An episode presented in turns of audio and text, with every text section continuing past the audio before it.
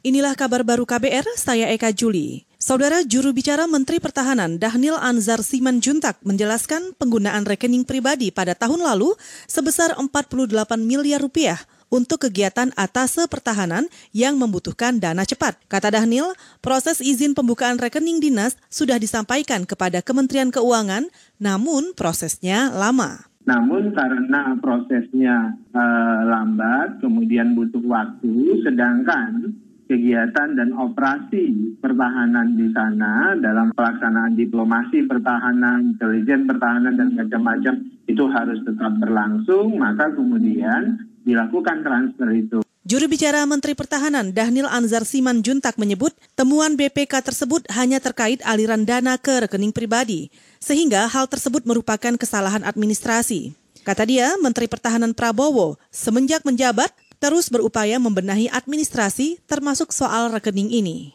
Sebelumnya, Badan Pemeriksa Keuangan menyebut ada lima institusi yang menggunakan rekening pribadi untuk pengelolaan anggaran negara atau APBN, yakni Kementerian Pertahanan, Kementerian Agama, Kementerian Lingkungan Hidup dan Kehutanan, Badan Pengawas Pemilu, serta Badan Pengawas Tenaga Nuklir.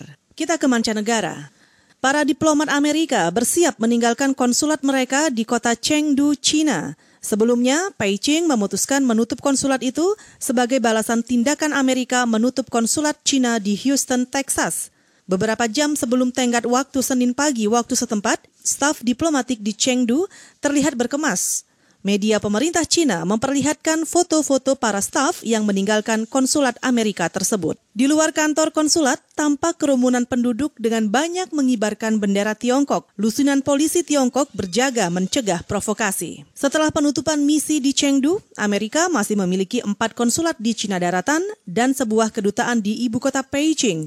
Ia juga memiliki konsulat di Hong Kong, bekas jajahan Inggris. Sedangkan China setelah konsulat di Houston ditutup, masih memiliki empat konsulat lain dan kedutaan besar di ibu kota Washington DC. Kita ke berita olahraga.